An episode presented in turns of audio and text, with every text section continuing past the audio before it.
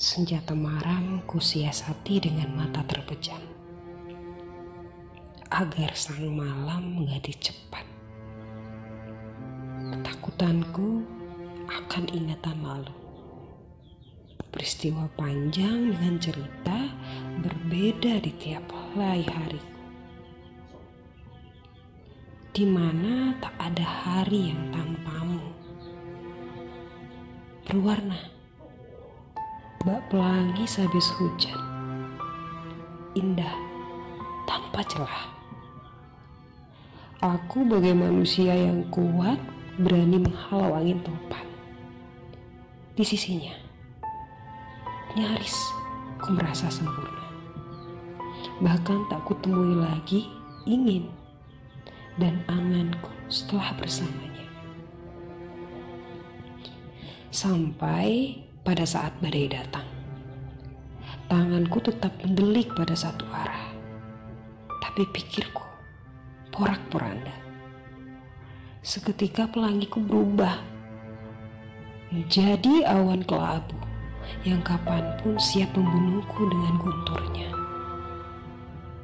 Lalu, tak kudapati dia, entah ke mana, menghilang bersama badai silam.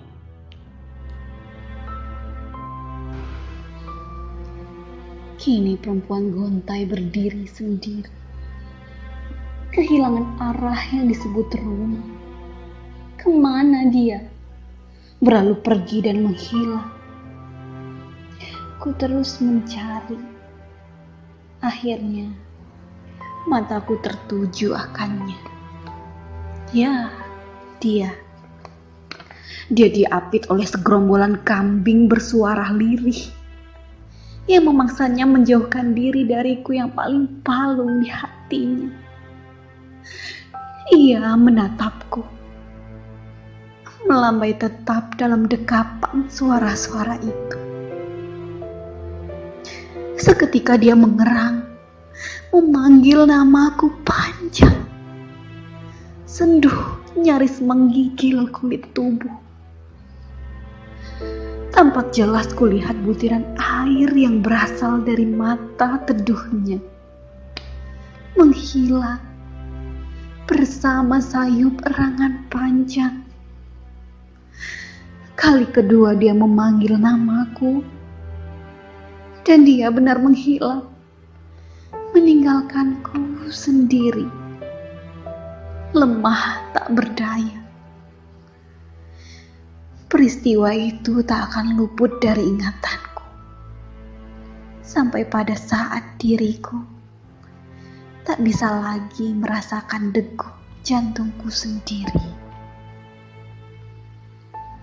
Dan kini seperti malam-malam kemarin.